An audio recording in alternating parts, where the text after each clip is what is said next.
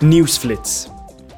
Morgen zullen de parlementsleden tijdens de plenaire vergadering in Brussel debatteren over een ontwerptekst over nieuwe regels voor politieke reclame. Die moeten de verkiezingen in de EU transparanter maken en beter bestand tegen inmenging.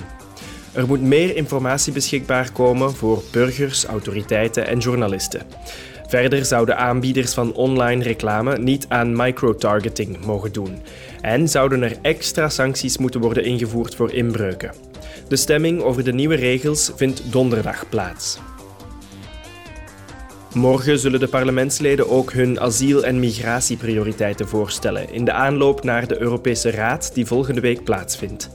Het debat zal gaan over de wetgevingsvoorstellen in het asiel- en migratiepact en over de strategie om de terugkeer van mensen die geen recht hebben op verblijf in de EU gemakkelijker te maken.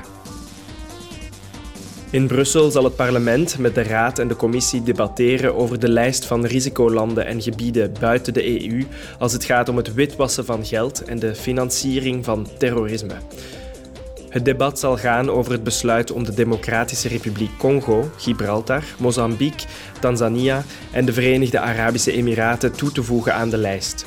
De parlementsleden zullen aandringen op een snellere en geloofwaardigere procedure om in de toekomst nieuwe landen toe te voegen aan de lijst.